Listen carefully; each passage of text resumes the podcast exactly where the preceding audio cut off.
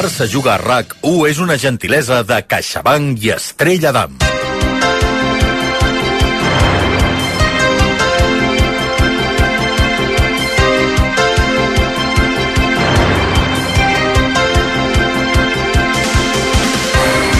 El Barça juga a RAC1 amb Joan Maria Pou, Jaume Molló, Marta Ramon, Joan Lluís Garcia, Laia Coll, Marc Guillem, Gerard Ballera i Xavi Puig.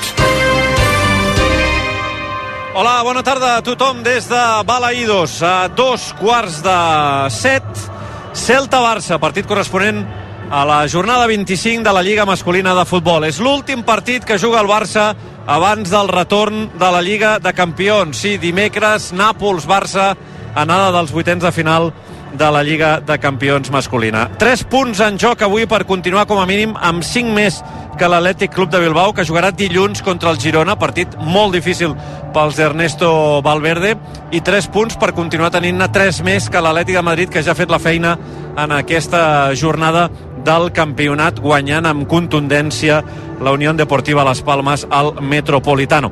I tres punts per encarar aquest partit de dimecres contra el Nàpols amb una certa calma certa, perquè de calma, evidentment, al Barça actualment eh, no n'hi ha gaire. Ja estem al vell mig d'un bombardeig de noms d'entrenadors i de baixes i altes de cara a la temporada que ve, però l'equip faria bé de centrar-se en el present i en el futur eh, més immediat perquè encara queda molta feina per fer.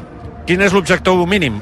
Passar a aquesta eliminatòria dels vuitens de final contra el Nàpols i per descomptat quedar entre els quatre primers al campionat de Lliga. A l'anada, aquest Celta de Vigo va estar a punt de guanyar o d'empatar contra el Barça, que va haver de fer tres gols en 10 minuts per eh, sumar els 3 punts. Per tant, l'equip ja està eh, avisat que si no s'hi posa, avui també pot eh, prendre mal contra el Celta, que recordem-ho, és un altre dels equips que està lluitant per salvar la categoria.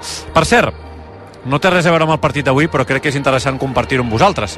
Avui és 17 de febrer de l'any 2024. Vol dir que avui fa 50 anys justos, 50 anys justos del 0 a 5 al Bernabéu del Barça de Cruyff, Reixac, Sotil, Marcial, Asensi i companyia.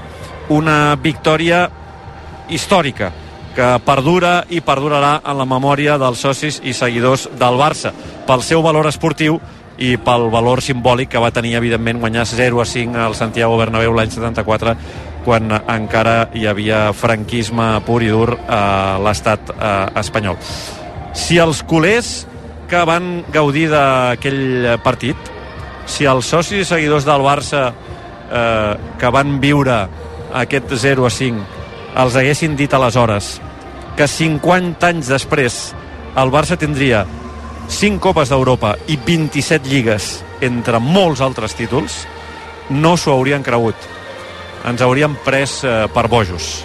I efectivament, 50 anys després, el Barça ha estat capaç de guanyar molts i molts títols. Ho dic perquè la situació ara mateix és horrorosa i sembla que el futur és negre, negríssim i que no hi haurà manera de sortir-se'n. Doncs bé, insisteixo, segurament l'any 74 tot era molt pitjor, tot era molt negre des de tots els punts de vista i eh, mireu on som eh, mig segle després. Per tant, sí, hem de, evidentment, analitzar el present eh, de la manera més adequada i equilibrada possible, però permeteu-me que aprofitant aquest aniversari tan rodó d'un dels eh, dies històrics eh, de, la, de la vida blaurana, doncs eh, pensem en això, que, que segurament el Barça d'aquesta també en sortirà i que d'aquí uns anys les següents generacions blaurana eh, parlaran d'aquesta època fosca en, en passat i no en present i en, i en futur. Tant de bo sigui així. Marta Ramon, hola, bona tarda. Hola, bona tarda. Amb quin 11 surt el Barça per intentar sumar els 3 punts contra el Celta? Amb un 11 amb sorpreses d'entrada, Vitor Roque és el primer cop que és titular des que va arribar al Barça, un Barça que avui jugarà amb tres davanters aquí a Balaïdos. També destacar que Gundogan i Íñigo Martínez descansen pensant en Nàpols. El Barça sortirà amb Ter Stegen a la porteria, amb Condé, Araujo, Covarsí i Cancelo a la defensa, al mig del camp Christensen de mig centre, acompanyat per Pedri i De Jong als interiors i al davant Lamin Yamal, Lewandowski i Vitor Roque. Laia Coll, bona tarda. Hola, bona tarda. Amb qui no ens surt el Celta? Amb un 4-4-2 amb Guaita a la porteria, defensa Òscar Mingueza, Starfel, Carlos Domínguez i Mijailo Ristic, doble pivot Beltran i Tàpia, banda de dreta per Alende, a l'esquerra Lucas de la Torre, al davant doble punta a Maspas i Larsen. Gerard Ballera, hola. Hola, Què ha de fer la nostra gent per comentar la jugada amb nosaltres? doncs com sempre, amb l'etiqueta FRAC1, a través de la X, ens podeu enviar els vostres missatges, les vostres opinions, per exemple, sobre aquest 11 de Xavi Hernández, sobre el que vulgueu, sobre aquest eh, Celta-Barça. Al final de la transmissió, com sempre, eh, posarem en joc un pernil bataller únic entre tots els que heu participat amb l'etiqueta FRAC1. Hola, Jaume Molló. Hola, Pou. Hola, Joan Lluís Garcia. Hola, bona tarda. Hola, Xavi Puig. Bona tarda. Marc Guillem, bona tarda. Molt bona tarda. Cap integrant del Barça Juga RAC1 havia nascut, no?, el 17 de febrer del 74. No, No, no. Per poc, alguns. alguns, en plural? Bé, parlar del Molló i el Puig, sobretot, no? sí, sí, sí, sí. Bé, al Molló li quedava res. Eh, Sí, eh? sí, sí. No gaire, no. No gaire. Bé, tu, Puig, sí, tu una mica més. Sí, no molt, no. No sí, molt. Ja. Sí. L'anyet llarg. Llarg. Un any llarg. Llarg. A mi 10, 10 llargs. Pensava que eren més. Va, ja tenim l'11 del Barça amb el petit tigre eh, d'inici per eh, primera vegada, Marc, i amb Gundogan jo crec que descansant clarament pensant en la Lliga de Campions, no? Sí, absolutament. Jo, jo interpreto així aquesta rotació. Sens dubte, Gundogan mereix un descans i ha de ser jugador capital segurament el millor migcampista d'aquesta temporada al Barça i per tant ho ha de ser la Lliga de Campions. Alhora per això també crec que té força sentit justament avui posar Vitor Roque més enllà de que vingués de marcar dos gols, que ho havia fet bé, que havia descansat eh, crec que avui el Celta en principi sobretot s'ha de tancar ho dic en principi perquè déu nhi l'11 que ha tret eh, força sorprenent amb bastants jugadors ofensius però en principi el Celta de Benítez ja ens podem imaginar que es tancarà a camp propi per tant que el Barça sí que tindrà la pilota però un puntet de gol, un puntet de profunditat aquest eh, ritme alt que hi, ofereix Vitor Roque doncs segurament avui pel partit que és doncs és un bon partit. I també, perquè no, que vagi agafant ritme que no fos cas que l'acabis necessitant a la Lliga de Campions perquè gol en va tenir Vitor Roque i per tant està bé també donar-li minuts. Però sí, jo llegeixo aquesta uh, suplència de Gundogan clarament com una rotació alhora que em felicito de que Covarsí torni a jugar. Crec que avui hi havia el dubte a la defensa qui jugaries, descansaria Íñigo descansaria Condé o potser Covarsí i tornaríem a jugar ja amb els jugadors amb més galons doncs no, que Covarsí segueixi jugant per mi és molt important. Crec que és la millor notícia dels últims partits que li està canviant una mica la cara si més no la sortida de pilota. Evidentment ha quedat tacat doncs, pels gols que has encaixat i pels mals resultats i per tantes i tantes coses però crec que Covarsí justament a Íñigo en l'últim partit contra el Granada van sortir bé jugant des de darrere i que aquesta sortida de pilota és necessària si vol jugar bé els partits. I per tant em celebro que avui segueixi jugant i espero que la Champions ho segueixi. Marc, és que aquí et vull aturar un moment, perquè ara ho comentàvem abans de començar la prèvia d'aquest eh, Celta-Barça, no? Quan hem vist Covarsí a l'11 titular i Íñigo descansant, jo el primer que he pensat és, d'acord, Covarsí suplent al Diego Armando Maradona. I, i, i, I no ho dic en positiu, precisament. No? Jo penso, hosti, ara mateix, per mi, és, és, és titular també en un dels partits més importants de l'any. Per mi sí, per mi també. Per mi ha de Però ser... no et fa pensar que, que sigui titular avui, que precisament descansi Íñigo, Sí, vol sí. dir que segurament serà eh, Araujo Íñigo, el Diego Armando Maradona? o no? Evidentment que em fa sospitar i em fa patir per aquesta possible suplència. En un dia com és la Lliga de Campions, doncs és fàcil doncs, que el jove acabis tenint un puntet de dubtes i diguis, va, posem els veterans i posem-los a tots. Ara, jo crec que a Nàpols hauria de descansar Condé, que Condé no ha descansat cap d'aquests dies. Han descansat titulars com Araujo i Íñigo. Uh, Covarsí i Condé són els dos que no han descansat. Per mi, jo faria descansar Condé i posaria Araujo al lateral dret. Sé que no ens agrada la- l'Araujo al lateral dret o que no l'hem volgut massa tenir allà, però justament el Nàpols eh, té dos grans exponents, dos grans jugadors. Un és Oximen, el punta, que acaba de tornar tot just, de Costa d'Ivori. Avui encara ni ha jugat, però evidentment torna en forma.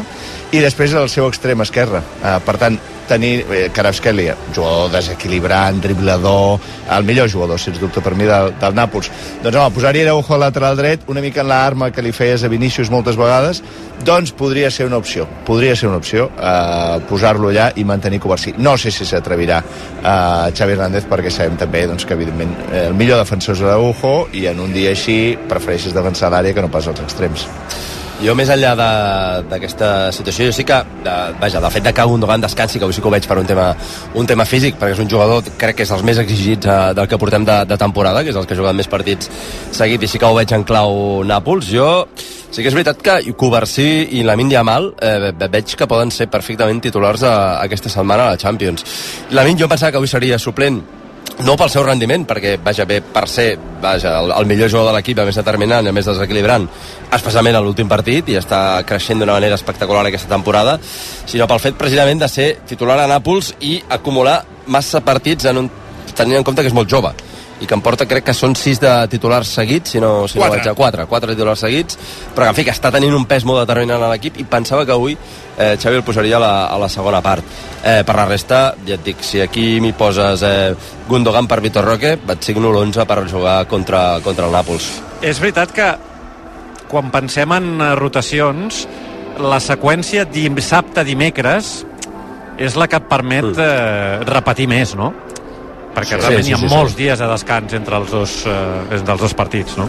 Sí, però és veritat que la, la suplència d'Iñigo a mi també em fa dubtar bastant, eh? Mm, jo tinc la, la sensació que aquí tirarà més de, de galons a Xavi Hernández perquè també Íñigo és un jugador que malauradament no ha tingut molta continuïtat i potser veu que jugar dos partits en quatre dies, que de fet mm, eh, titular n'ha jugat eh, un parell com a molt fins ara, eh, aquests dos últims, doncs eh, jo crec que Xavi veu que és massa càrrega potser per, per Íñigo, el vol, el vol reservar i tinc, vaja, tinc la sensació que, que sí que aquesta suplència com la de Gundogan clarament, aquesta no hi ha dubtes és pensant en dimecres Sí, però has tingut... És a dir, tu vens de dues setmanes amb dos partits, només. Vull dir, es diria, si no corregiu-me, diria que el tram de calendari més assequible a nivell de càrrega de partits de tota la temporada perquè mm, Sí, sí. has tingut mm, dies i dies per, en fi, que les cames eh, es recuperin. Vull dir, no sé,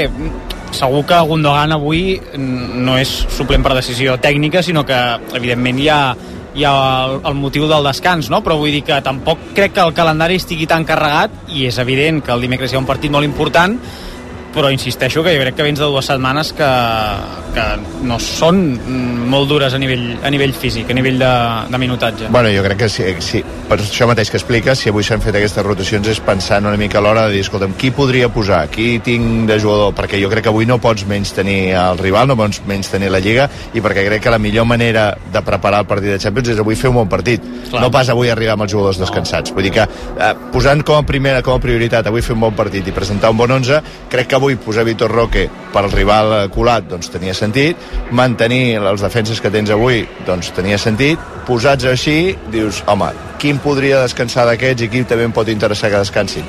Doncs potser Gundogan i per la tralla de partits i Íñigo perquè en el fons és tovet físicament o, o ve de, de, de no una gran dinàmica de minuts, doncs potser amb les dues coses et surt aquesta equació. Sí, jo també veig ser Íñigo més titular al Maradona que no pas eh, Covarsí, eh, tot i que la, la idea d'en Guillem m'agrada bastant, eh, que Condé descansi, més que res perquè jo crec que necessites fiabilitat dimecres, i ara mateix per mi eh, defensivament eh, em dóna més eh, confiança Pau Covarsí que no Condé. Eh, Sí, i, sí. el, i el dimecres eh, t'hi jugues eh, l'eliminatòria vull dir, un mal partit allà se te'n va tot a Norris i, i, i cap a casa gairebé sense haver de jugar el partit de, de tornada per tant jo, jo signaria bastant la proposta de, del Mar de que descansés Condé Mira. però m'estanyaria molt que fos així eh? Puig, acabo de mirar una dada que m'ha semblat sorprenent. Ara mateix Condé és el segon jugador en minutatge més utilitzat per Xavi aquesta temporada, només superat per sí. Gundogan. M'ha sorprès molt perquè no tenia la sensació, segurament també hi ha influenciat que és un dels pocs jugadors que no s'ha lesionat a aquesta temporada, però ara mateix Condé ha jugat 2.540 minuts, el segon jugador més utilitzat per Xavi, després de Gundogan, que suma 2.800 eh, minuts. I mira, t'ho cert, complemento, eh, per perdona, Marta, eh, que encadena 12 titularitats, Condé. Uh, junt, justament, juntament amb Frenkie de Jong, dos dels jugadors que segurament tots convindrem que estan en un pitjor moment, doncs han jugat els últims 11 partits complets, de fet, i avui encadenen la dotzena titularitat. No, anava a dir que eh, hem traslladat la, la pregunta per estar 100% segurs de si Gundogan tenia algun tipus de molèstia i és la lectura que hem fet tots. Eh? Gundogan eh, necessitava descansar per aquesta acumulació de minuts que ara en repassava la Laia. És que, de fet, eh, Condé ha descansat molt poc. És a dir, més enllà de crec que la lesió aquell dia al camp del Granada, que li cau... Parell de partits, sí. Eh, ha jugat pràcticament tot. Vull dir que Xavi ha confiat molt en ell. Un punt fins i tot de, de sorpresa, perquè heu trans de la temporada, que és veritat que no ha rendit a un mal nivell, especialment abans de la lesió, crec, abans del camp del Granada, però després sí que han tingut actuacions més discutibles i tot i així eh, Xavi ha postat, eh, vaja, l'ha mantingut. De fet, recordo Condé aquell partit contra l'estadi de Montjuïc contra l'Alavés, que l'ha de canviar perquè està navegant contra, està naufragant contra, Samu, contra no? Samu, eh, i fins i tot, i tot i així, ha condit con, confiant, confiant-hi Xavi. Perquè partits de Cancelo lateral dret els eh, tenim comptats. No, jo no. Pocs, eh? Comencen a ser pocs, sí. Dir, aquest home venia a fer això ja sé que tens Valde lesionat, eh? però vaja, vull dir, aquest home venia a ser el, la referència en el lateral dret de, del Barça. Sí, sí. Um, és veritat el que, el que deia el, el Marc de cara a, a Nàpols de qui col·loques al lateral dret, però és veritat que l'altra amenaça mm, ataca per dins. Vull dir, Sí, eh, sí. que no saps ben bé a on prefereixes tenir a la teva bèstia a part de, defensiva, si a prop d'Oximent o, o obert a la dreta. No, i que a més que corres el risc que, en teoria, Oximen, ai, eh, Kvaratskhelia juga a l'extrema esquerra i així és com normalment ha jugat al Nàpols i ell és aquella la posició que li agrada. Però hi ha alguns partits que el Nàpols ara mateix amb Mazzarri està jugant un 5-3-2 i Kvaratskhelia juga pel mig, juga amb llibertat pel mig. Sí. Per tant, no estàs segur, segur de que Kvaratskhelia jugui a l'extrema esquerra, no la tens aquesta seguretat fins que no vegis com surten i amb l'11. Per tant, posar Araujo a la dreta, eh, jugar-t'ho això i després el millor que Kvaratskhelia jugui pel mig, eh, Clar. doncs has fet un mal invent. No? I, I una altra cosa, amb referència a com repartirà els minuts ara quan hi hagi partit de la Lliga de Campions, és que el Barça, vull dir, la situació a la Lliga no et permet tampoc eh, triar només la Champions, saps què vull dir? Eh, clar, ja estàs això, no? amb 5 punts més ara que l'Atlètic Club de Bilbao, si guanyes avui continuaràs tenint 3 punts més que l'Atlètic de Madrid, eh, però no, no te la pots jugar, no, no, no et pots desconnectar de la Lliga. Vull dir que en aquest sentit ho haurà de repartir molt bé, això. Preguntava Xavi, partits de lateral dret de Cancelo amb el Barça, doncs potser et sorprendrà perquè són 16 dels 26 que ha acabat eh, jugant. I mira, jo ho complemento amb les de Condé. Ha jugat 11 partits de lateral dret, el d'avui seran 12, 15 de central. A dir, que jo crec que acabarà la temporada havent jugat més vegades al lateral dret que no a la posició de, de central. Al contrari del que volia ell. Molts centrals i pocs laterals, aquesta plantilla. Sí, a veure si ho anem arreglant, això. I perquè també hi ha hagut un problema de, la, de lesions, no? Vull dir, la lesió llarga durada de Valde i Sergi Roberto, que també no podia jugar aquí, doncs tampoc tampoc hi ha estat i aleshores has hagut de fer... També tens la baixa de Marcos Alonso. Clar, sí, sí. Has hagut de fer algun invent per culpa de les lesions. 12 minuts i arribarem a les 6 en punt. Repassem les notícies essencials de l'actualitat del eh, Barça. Marta, mantenir Frenkie de Jong la temporada que ve costa 77 milions d'euros 77 milions d'euros per això el Barça torna a obrir, torna a obrir la porta a, a, sortir aquest estiu 77 milions és la suma dels 30 que encara queden per amortitzar del seu fitxatge i del seu salari actual inflat pels diners ajornats de l'època Bartomeu i tots aquests diners només per les dues temporades que li queden de contracte. És per això que l'àrea esportiva contemplen dos escenaris, o el jugador renova o bé marxa amb un traspàs molt elevat. L'oferta de renovació que té De Jong sobre la taula no contempla una rebaixa salarial, però sí que el nou contracte se li faria en base al seu sou original, no en base al que cobra ara amb els diferiments. En cas de renovar, es faria en base a un sou racional sobre els 15 milions d'euros. En cas de traspàs, el Barça necessita una xifra molt alta perquè l'operació li surti bé a nivell comptable, però pel que fa al fair play hi sortiria ja guanyant d'entrada. Ja vam explicar a rac que el Barça sap que haurà de fer una bona venda per aplanar el seu camí cap a la regla 1-1 i poder inscriure amb normalitat. L'ideal serien 100 milions d'euros. Tot i així, és imprescindible resoldre la palanca de Barça Studios per poder sortir del bloqueig. el club però no sap què vol fer De Jong a dia d'avui No, encara no, no en tenen cap notícia ni sobre si vol renovar ni sobre si vol sortir a partir d'alguna oferta i tenen una mica de pressa, volen evitar plantar-se el 2025 sense aquesta carpeta resolta i que De Jong pugui acabar sortint lliure. Víctor Font demana refundar el Barça, deixar enrere el model de gestió del 2003 i denuncia al món a rac que la situació econòmica del club és molt pitjor del que diu la porta. El segon candidat més votat a les eleccions del 2021 creu que la l'as a la màniga de les palanques s'ha fet tard i malament. Jo estic segur que aquest any hi haurà un forat operatiu d'entre 100 i 150 milions. I recordeu aquestes paraules. Que aquest any farem el pressupost venent patrimoni, però un patrimoni diferent, jugadors. I en funció de com vagin els números, doncs serà obligat vendre De Jong, o vendre Araujo, o vendre qui sigui. I haurem de vendre actius. Un altre cop, com que gastem més del que ingressem. I la targeta de crèdit no ens dona, ens hem de vendre la joia, el cotxe, ara potser, doncs, no sé, un quadre, Font acusa la porta d'haver preferit aliar-se amb Florentino abans que treballar per retenir Messi, descarta emprendre una moció de censura perquè desestabilitzaria més l'entitat i assegura que si les eleccions a la presidència fossin demà s'hi tornaria a presentar. Hores abans de l'entrevista de Font al Món la vicepresidenta Helena Fort va ser crítica amb ell als micròfons, el tu diràs. Fort va acusar-lo d'actuar de mala fe contra els professionals del club i també va assegurar que la situació econòmica està sota control. Fort, a més, també va pronunciar-se sobre un altre tema calent, la convocatòria d'Alexia Putelles amb la selecció espanyola tot i estar lesionada. El que el club entén és que la convocatòria és molt complexa, amb una jugadora que en aquests moments doncs, està en procés de recuperació i per tant això és un tema molt sensible i ens preocupa perquè els serveis mèdics doncs, eh, tenen una opinió que és contrària al fet que s'ha produït. A partir d'aquí doncs, haurem de gestionar aquesta situació que no ens agrada i esperar que no passi res i que tot vagi bé. Fonts del club asseguren que havien pactat amb la federació que no la convocarien, però que va ser Alexia qui va demanar anar-hi, eh, tot i que des del seu entorn mantenen que Alexia va assabentar-se de la convocatòria en el moment que va donar-la a la seleccionadora, tot enmig de les negociacions per la seva renovació. Quan vam explicar això que re repassarem ara, Marta, jo no m'ho creia. És a dir, que realment un sidral s'hagi solucionat és una cosa que em té absolutament fascinat el conflicte judicial per la inscripció de Gavi entre el Barça i la Lliga s'ha acabat. Sí, fonts judicials eh, ho han detallat aquesta setmana a RAC1, han detallat que el club i la patronal han arribat a un acord i que per tant no caldrà anar a judici perquè Gavi quedi inscrit a tots els efectes. Aquest acord extrajudicial però no l'han volgut reconèixer ni la Lliga ni el Barça. Això sí, des del club sí que admeten que el cas ha quedat arxivat. Tot plegat en una setmana en què ha mort l'avi del Barça. Joan Casals era l'aficionat que encarnava la figura creada pel dibuixant Valentí Castanys a la revista Shoot fa 100 anys. Tenia 90 anys i en feia 40 que anava als desplaçaments recreant aquest símbol de la massa social barcelonista. Membre de la penya blaugrana de Guardiola de Berguedà, ha estat molt recordat aquests dies pel món penyístic i els grups d'animació. 8 minuts i les 6. Ara tornem. RAC 1 A Ànec Blau estem sempre oberts per a tu. Sí, sí, com ho sents, sempre oberts, tot l'any, també en diumenges i festius. Volem que gaudeixis de la millor oferta d'oci, gastronomia i moda. Ànec Blau, sempre oberts. Sempre. Descobreix la bellesa de les illes gregues el nord d'Europa amb MSC Cruceros. 8 dies amb tot inclòs i vols des de Barcelona.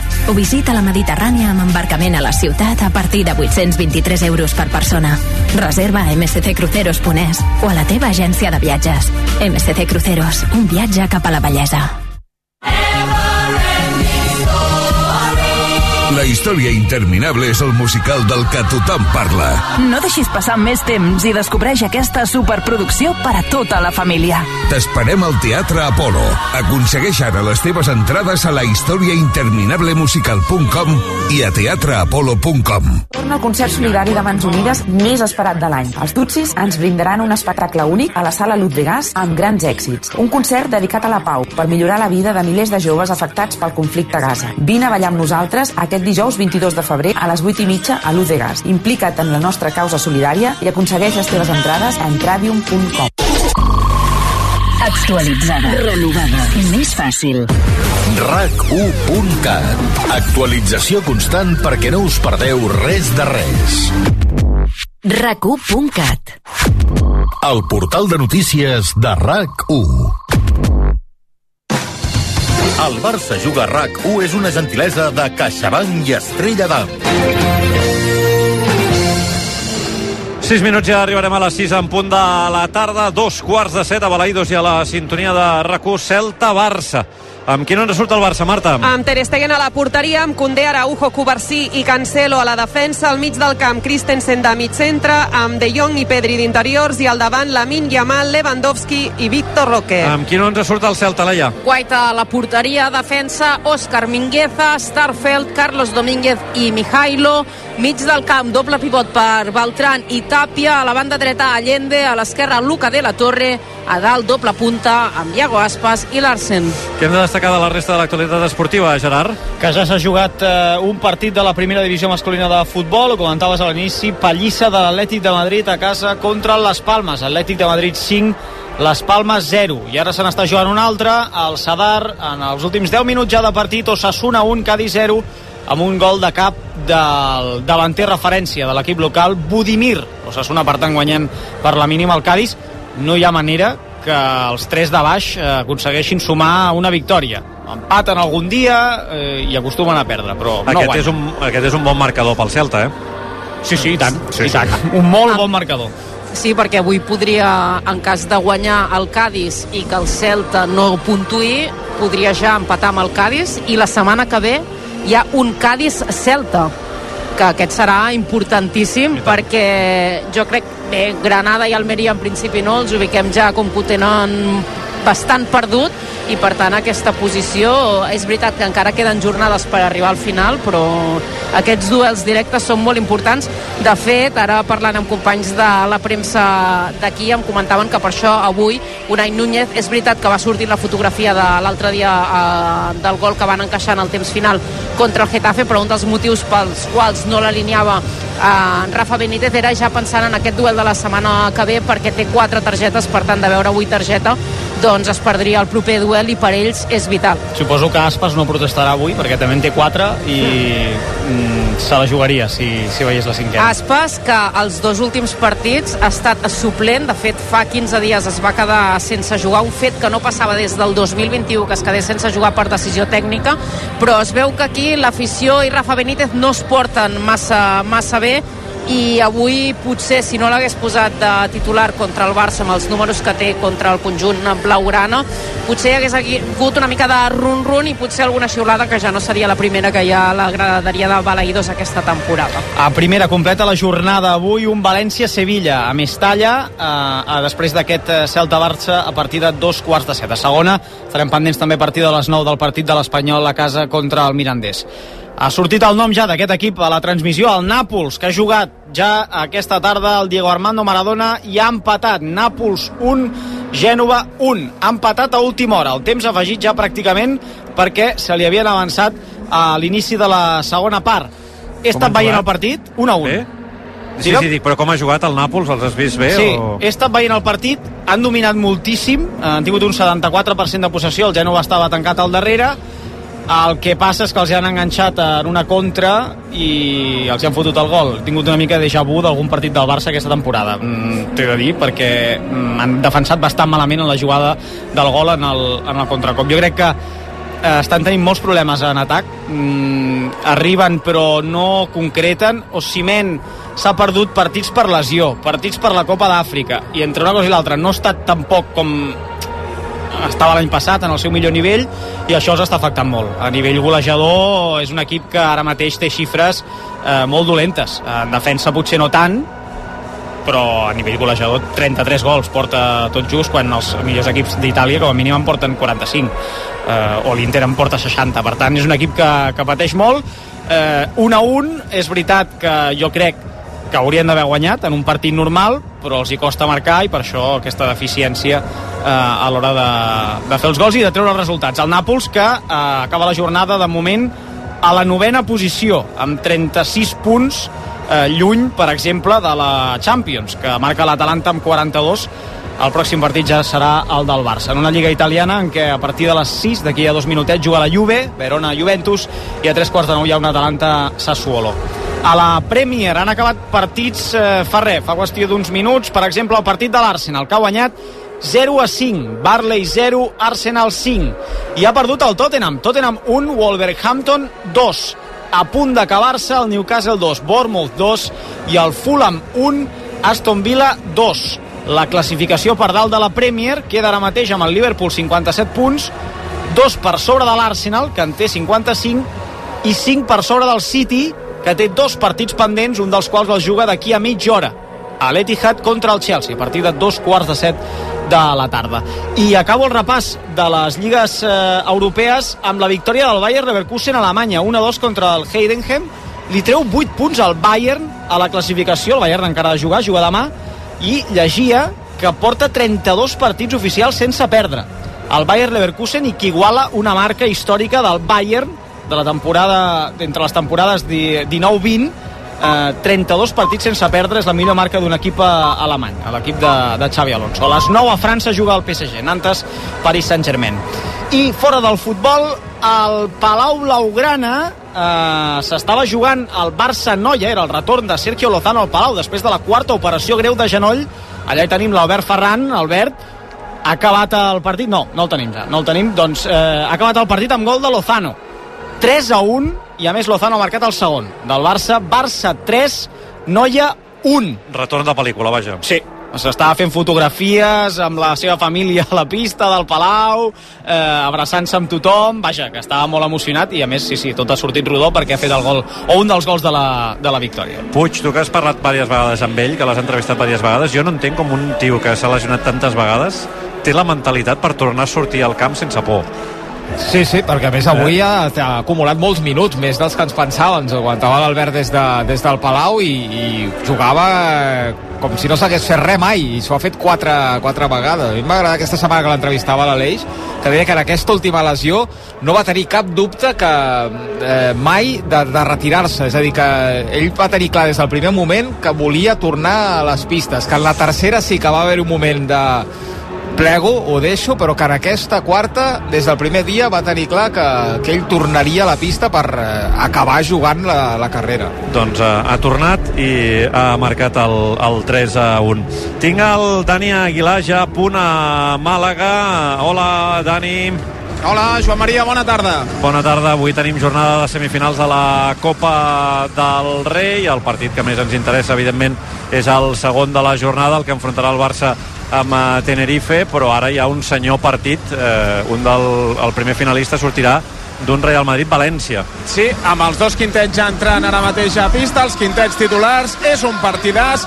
Aquí tothom dona per favorit el Real Madrid. De fet, tenim la, els aficionats del Real Madrid propers a la posició de, de raco aquí al Martín Carpena i ara de seguida arrencarà aquesta semifinal recordem tots, dos equips van patir moltíssim per accedir a la semifinal al Madrid davant Ocamp Múrcia, el València va haver de superar Gran Canària a una pròrroga, però en tot cas tot el que no sigui que el Real Madrid passi a la final seria una gran sorpresa, com sorpresa va ser ahir l'eliminació de l'anfitrió i el campió, l'Unicaja de Màlaga a Tenerife, Tenerife serà qui s'enfrontarà al Barça a partir de les 9 en la segona semifinal. Doncs estarem eh, molt pendents amb el Dani Aguilar, un dels enviats especials de rac a Màlaga per fer el seguiment d'aquesta Copa. Mira, surten a escalfar-se ara els eh, jugadors eh, del Barça a la gespa de Balaïdos. Avui toca anar de groc, eh? Una altra vegada veig. Sí. Molt bé. Anem repartint les, eh, les equipacions a veure si se'n poden vendre de, de tota mena. Bon pernil bataller a Màlaga, eh? Pou, també. Sí, sí, n'hi ha, Sí.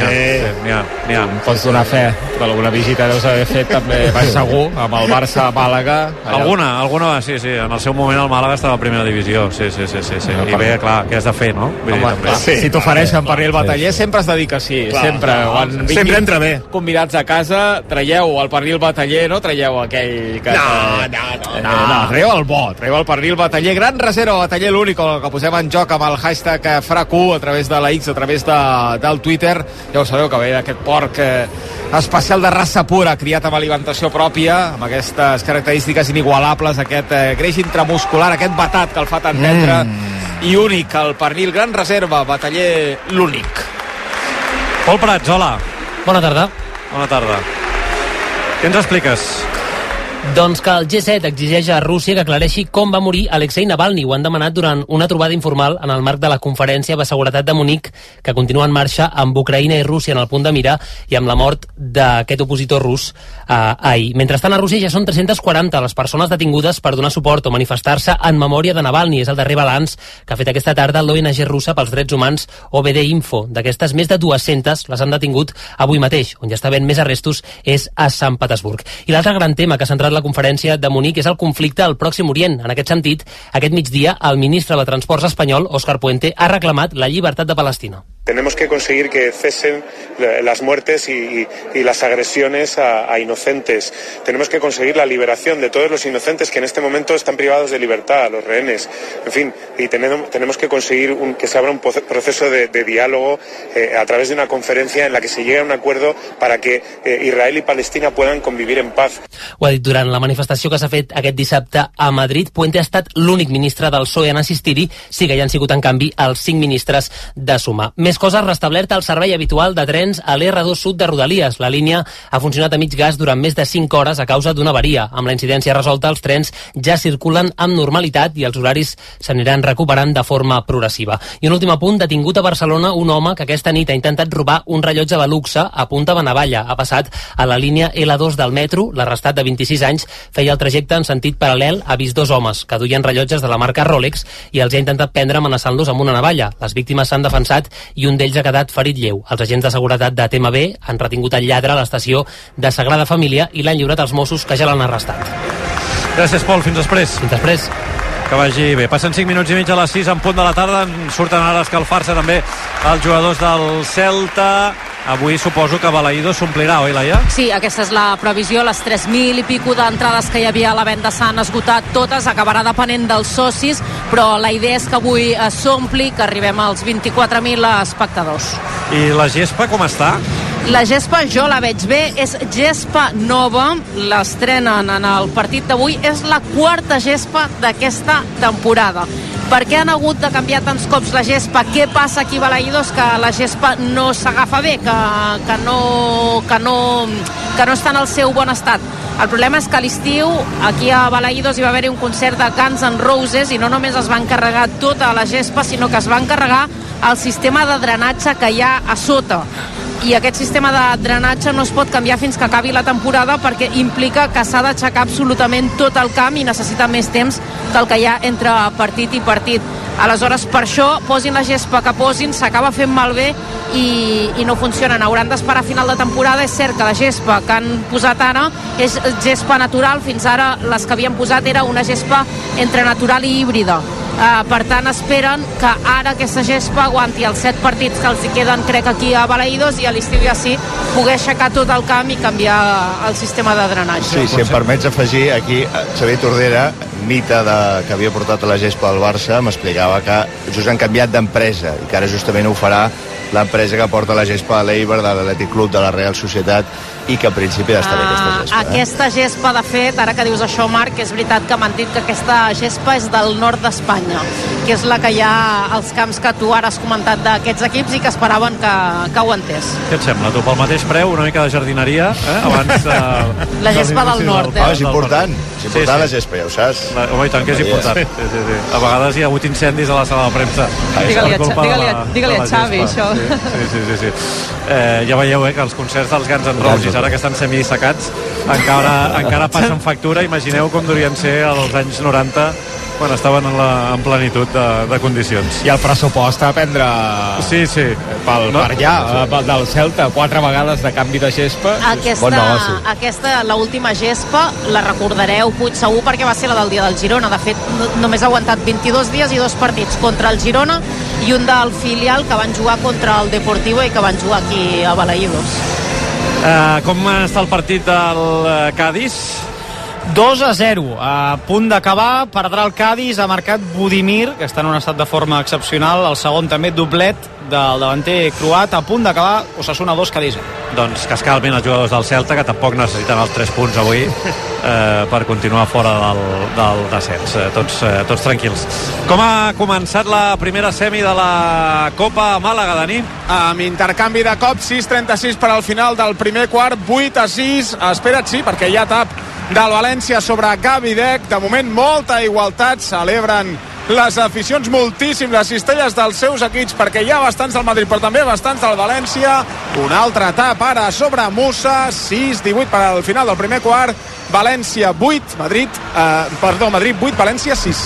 Fem una radiografia del Celta de Vigo. El Celta continua sense aixecar cap. Fa 15 dies va sorprendre amb una victòria 0-3 al Sadar, però sembla que va ser un miratge, perquè la setmana passada va tornar a perdre 3-2 contra el Getafe. Els gallecs només han guanyat 4 partits en tota la Lliga i són quarts per la cua amb 3 punts ara mateix sobre el descens. No està sent una temporada gens fàcil, el nou projecte no arrenca. Rafa Benítez ha estat xiulat més d'una vegada, però el club el veu com un projecte a mig termini i de moment té més paciència que la que està tenint l'afició. L'arribada de Marian Mourinho al novembre, la primera presidenta de la història del club, filla de l'expresident Carlos Mourinho, hi ha ajudat, té una altra manera de gestionar el club amb més pausa i una mica menys de temperament. El Celta rep avui al Barça amb les baixes de Manquillo, Carlos Dotor i Aidó per lesió i tampoc jugarà Bamba, que encara no s'ha incorporat després de ser campió de la Copa d'Àfrica. Demà farà una setmana. La tàctica del rival. La defensa de 5 era l'esquema més utilitzat per Rafa Benítez en aquest tram de temporada. De fet, els últims 3 partits de Lliga ha format amb 3 centrals i 2 carrilers. Avui, tenint en compte els jugadors que hi ha al damunt del terreny de joc, hauria de ser una defensa de 4 amb un doble pivot. És veritat, i ho podem veure durant molts eh, trams de, de partit, que Tàpia, que ha jugat en aquesta línia de 3 centrals al darrere en els últims partits, es podria incrustar com a central i que per tant moltes vegades ens faci la sensació que en comptes d'una defensa de 4 el Celta el que està jugant és una defensa de 5 perquè durant la temporada ha variat molt d'esquema a Rafa Benítez. No tant perquè sigui un equip ric tàcticament sinó per la incapacitat de trobar una estructura sòlida i que rutlli.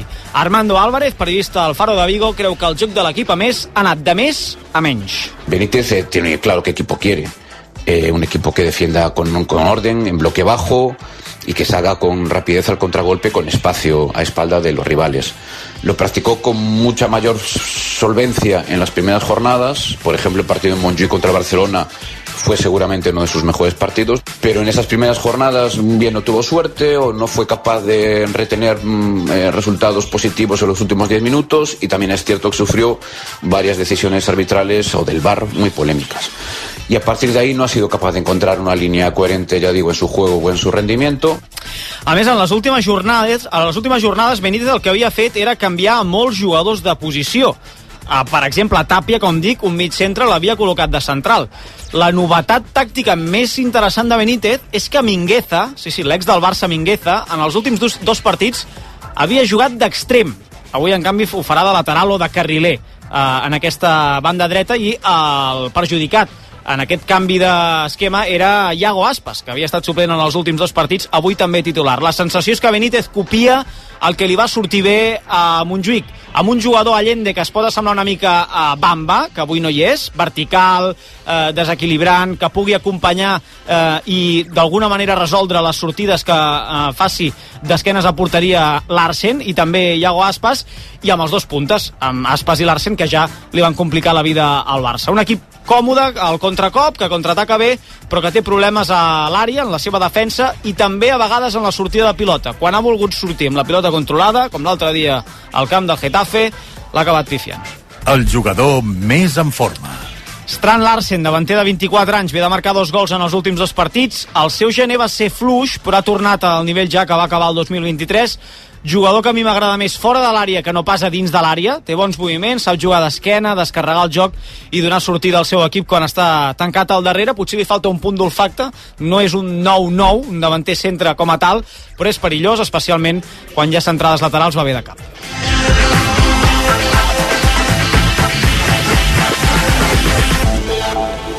Et preocupa aquest eh, estil de, de joc que sembla que plantejarà avui el Celta de Benítez. Eh, Marc, et preocupa aquest partit per eh, les característiques del rival o simplement et preocupa el rendiment del Barça?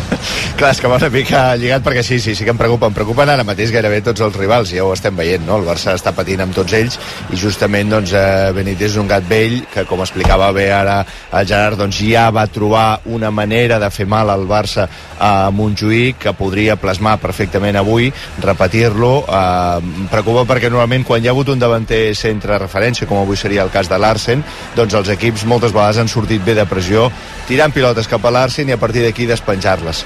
Eh, el Celta, de fet, amb Aspas això ho havia fet fa molts anys ja. Eh, Aspas és un, un jugador, a mi em sembla superlatiu, ja evidentment ja molt veterà, però un jugador molt lleig, molt hàbil, i a partir d'aquest despenjar pilotes i sortir el contracop poden fer mal, poden fer mal al Barça perquè sabem la debilitat que té eh, i perquè el Barça li costarà generar gaires ocasions amb un rival aculat com serà avui el Celta doncs moltes ocasions no tindràs i si quan ells surten al contracop et fan una mica de mal doncs tornarem a tenir aquell escenari de partit que ja, ja ens coneixem tant i que tenim una mica de dubtes. Esperem que, que no sigui així, que realment puguem aturar eh, les pilotes cap a l'Arsen, que d'allà no han sortit mai segones jugades i així el Barça estarà segur i segur que a poc a poc doncs, va atacant i trobant el seu gol.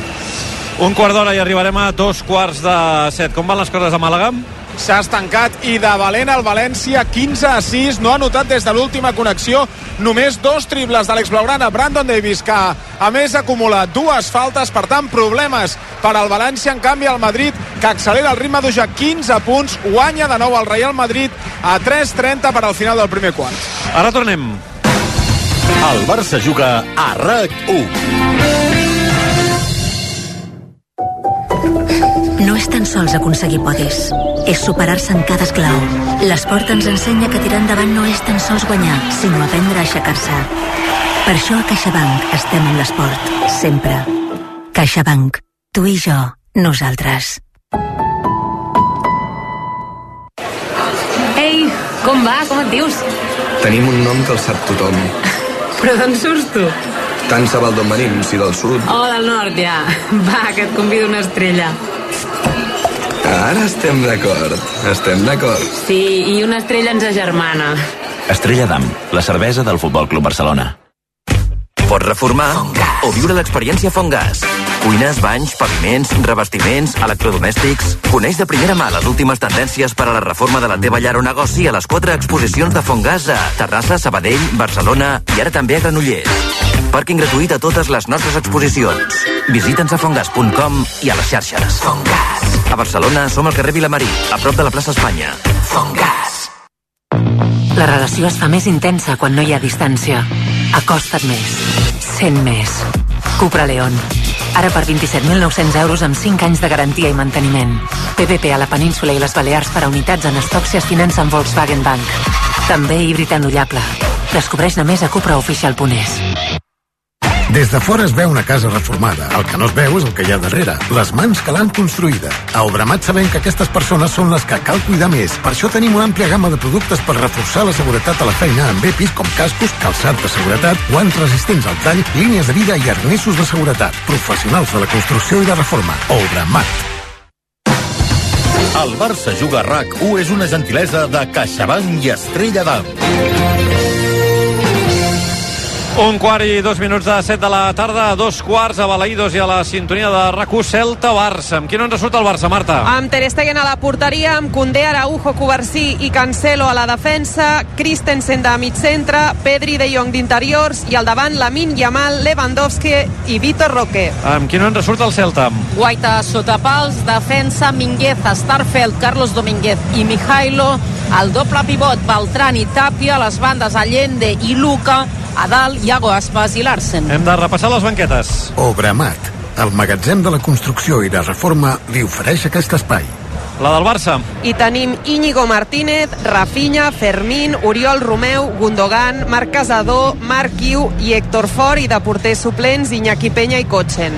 Una banqueta força plena i força compensada perquè tens defenses com Íñigo, fins i tot Héctor Fort, migcampistes moltíssims, això sí que és notícia, quatre migcampistes, especialment Gundogan, eh, crec que acabarà tenint minuts, per què no Oriol Romeu entrar una mica en dinàmica o fins i tot Fermín, i al davant, Rafinha i Guiu, doncs poden acabar-te de posar una mica de picant en un equip que ja té tres davanters al terreny de joc. La banqueta del Celta? Ivan Villar i Carrillo són porters suplents i jugadors de camp. Unai Núñez, Kevin Vázquez, Manu Sánchez, Williot Svedberg, Jailson, Hugo Sotelo, Carlos Pérez, Carles Pérez, l'ex del Barça, Franco Servi, Dubicas i Miguel. Molts jugadors a la banqueta, pocs realment de pes i que puguin ajudar a posar-li més valor afegit al Celta. Sí que és cert que té defenses titularíssims, sobretot Núñez, eh, pel que dèiem de les quatre grogues, i un lateral interessant, ofensiu com és Manu Sánchez, però al davant eh, jugadors de talentosos en té pocs. Segurament hauríem de destacar Dubicas, aquest davanter centre grec, quatre gols, acostuma a jugar a estonetes i ha marcat doncs, els seus gols. Carles Pérez aquest any ja ha fitxat pel Celta, després d'una sessió anterior, malauradament té molt pocs minutets. Benvolgut professional. Que el teu client vulgui finestres a mida que s'ajustin a les seves necessitats és una bona idea. Si a més a més suposen un estalvi energètic al seu habitatge, és encara millor. I per això a Obramat t'oferim finestres a mida de PVC i alumini que s'adapten a qualsevol reforma, a més del millor assessorament professional per ajudar-te. Professionals de la construcció i de reforma. Obramat. Com van les coses a Màlaga, Dani? Per fi anota València, 19 a 8, però està sent un partit bastant dur per als d'Àlex Montbrú. Ara s'endú un tap de Poiré Pradilla. Està sent un partit de molta superioritat de l'equip blanc, guanyant d'11, insistim, Madrid 19, València 8 a 1,50 per al final del primer quart. Podem escoltar un parell de declaracions de Xavi Hernández abans del partit, Jaume? Sí, ha parlat de zona el tècnic del Barça, preguntat pel mig del camp, el paper de Christensen i també en absència de Gundogan avui, qui farà el seu rol.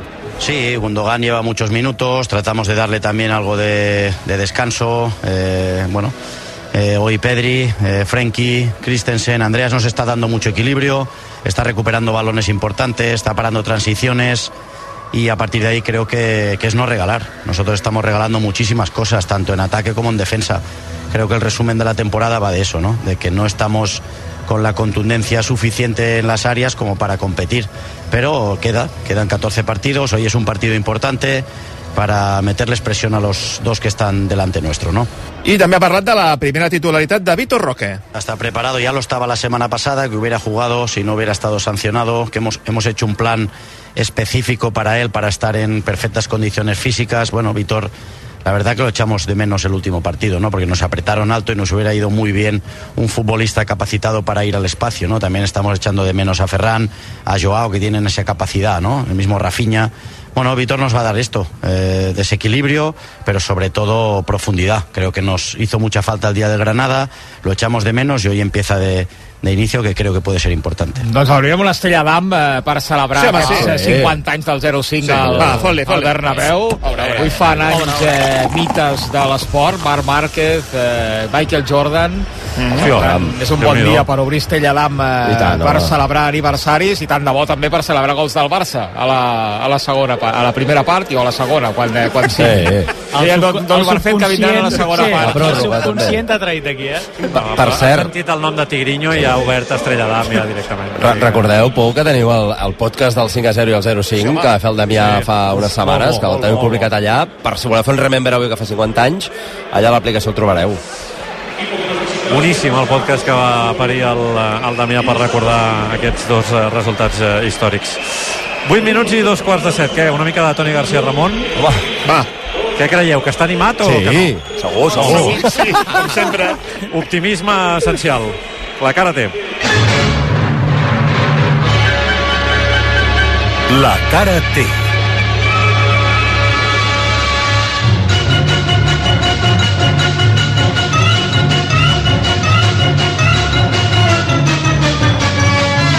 El 2003 s'estrenava Goodbye Lenin. A la pel·lícula, una mare de...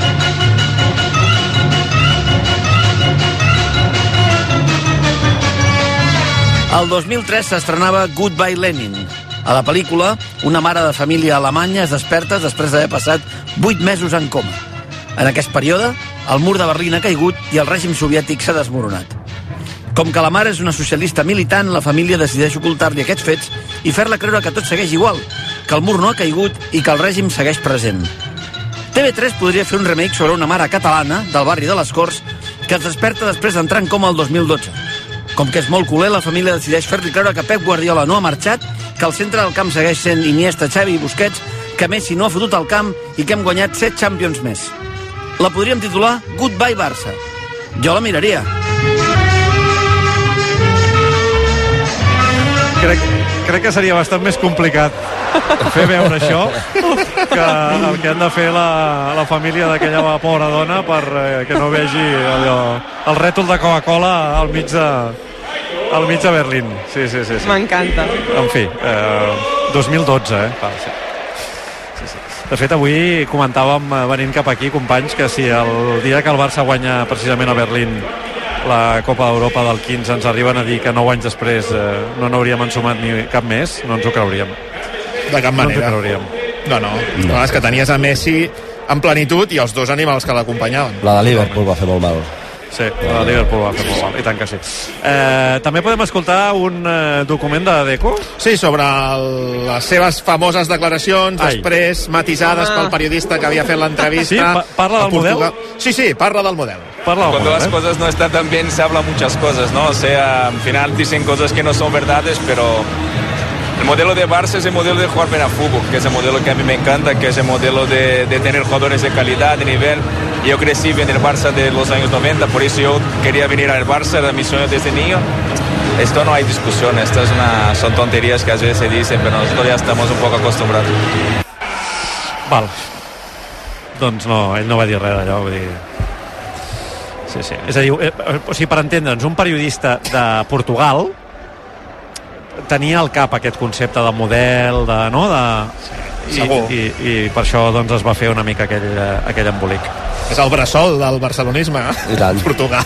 Clar, la confusió va ser d'una d'una paraula, no només d'una paraula, allò, el típic concepte, no?, que la traducció potser, Sí. o no, no, no, no totes les tres frases o quatre que les havien Són, són tonteries que dicen, diu, els altres. Que, que dicen otros, ¿eh? Otros, otros. Él no, Él no. Él no. Sí, en plural. Com van les coses a Màlaga, Dani? Doncs mira, ara està guanyant el Madrid de 6, acabat el primer quart, però deixa'm dir-te que hi ha un moment, si més no sorprenent, un pavelló d'en peus aplaudint un àrbitre.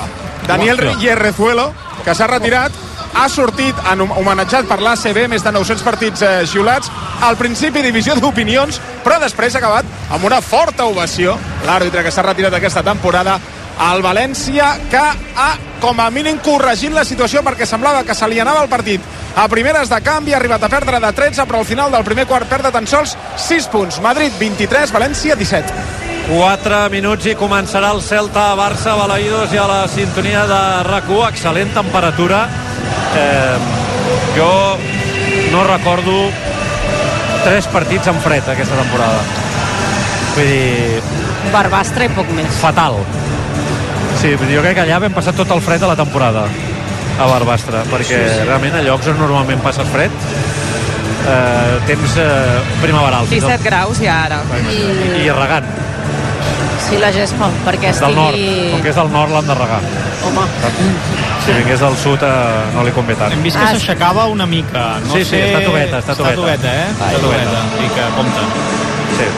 Uh, ara que, que parlem de la temperatura de la ubicació, deixa'm dir que Balaïdós està quedant xulo, l'estan sí, reformant totalment. i ja només queda que treguin la part que queda de la pista d'atletisme darrere d'un dels gols. Uh, aquesta és la graderia que tiraran a terra i aleshores en construiran una idèntica a l'altre gol i la capacitat augmentaran uns 10.000 espectadors aproximadament, arribant als 33.000, però la veritat és que, evidentment, treure les pistes d'atletisme dels camps de, de futbol, només amb, amb això ja, ja guanyes cosa. moltíssim perquè l'ambient que genera que l'afició pugui estar més a prop però està quedant, està quedant prou maco Està la part de, de dins. sí, I sona el Sweet Caroline, que fa molts anys era un, el tema que tancava les nits a una discoteca del, del carrer Ibau, segons m'han explicat.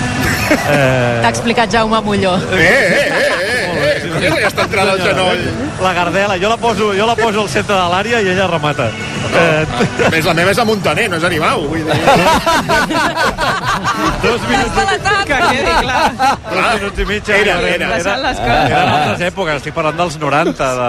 Sí, sí, vull dir, clar, jo els 90 que no tenia edat de sortir. Però... Jo Clar, a clar, tu Barcelona. estaves a, estaves a casa jugant a l'Scrabble, no? Dos minuts i arribarem a dos quarts de set. Eh, ara arriba el eh, moment de comunió dels eh, socis i seguidors del Celta, ensenyant bufandes i fent voleiar banderes per donar suport al seu equip. Repassem algunes dades del partit abans que comenci el compte aquesta, eh? El Barça només ha guanyat un dels últims 9 partits que ha jugat en aquest estadi, Jaume. Sí, fa tres temporades, 0-3, amb gols d'Ansu Fati, Olaz en pròpia porta i Sergi Roberto. La resta de precedents, quatre empats i quatre derrotes en aquesta ratxa horrorosa. De fet, el Celta és l'últim equip que ha guanyat el Barça a la Lliga com a visitant, a l'última jornada del curs passat, en un partit intrascendent 2 a 1. En aquests nou partits, el Celta ha marcat 20 gols al Barça. Jaume, el Barça és l'únic equip que no ha perdut a camp contrari en aquesta lliga? Sí, tots els... Vaja, ha cedit molts empats, però en canvi derrotes només les ha tingudes a Montjuïc. En 11 partits com a visitants, 6 victòries del Barça i 5 empats. A més, els blaugranes encadenen 10 partits marcant a camp contrari a la Lliga, tots els del campionat, de fet, excepte la primera jornada amb aquell empat a 0 Galdós a Getafe. Iago Aspas és el jugador que més gols ha marcat a Ter Stegen. 9 gols en 13 partits, un més que Benzema, que en principi ja no en marcarà més el porter alemany en competicions de clubs. El Celta ha marcat 25 gols en 14 partits a Ter Stegen. Això vol dir que després del Bayern de Múnich i del Madrid és el tercer equip que més gols li ha marcat el porter alemany. I atenció, aquesta que és per tremolar. A Balaïdos, Ter Stegen ha rebut 16 gols en 6 partits. Moro, Déu. I déu nhi la posada en escena eh, dels seguidors del eh, Celta. Evidentment res a veure amb el Pizjuán o amb camps anglesos, però eh, molt millor que fa uns anys eh, aquesta posada en escena de Balaïdos per rebre el seu equip. Sí, sí, fins i tot hi ha hagut un joc de llums que ara no ha lluït eh, gens, diria jo, perquè encara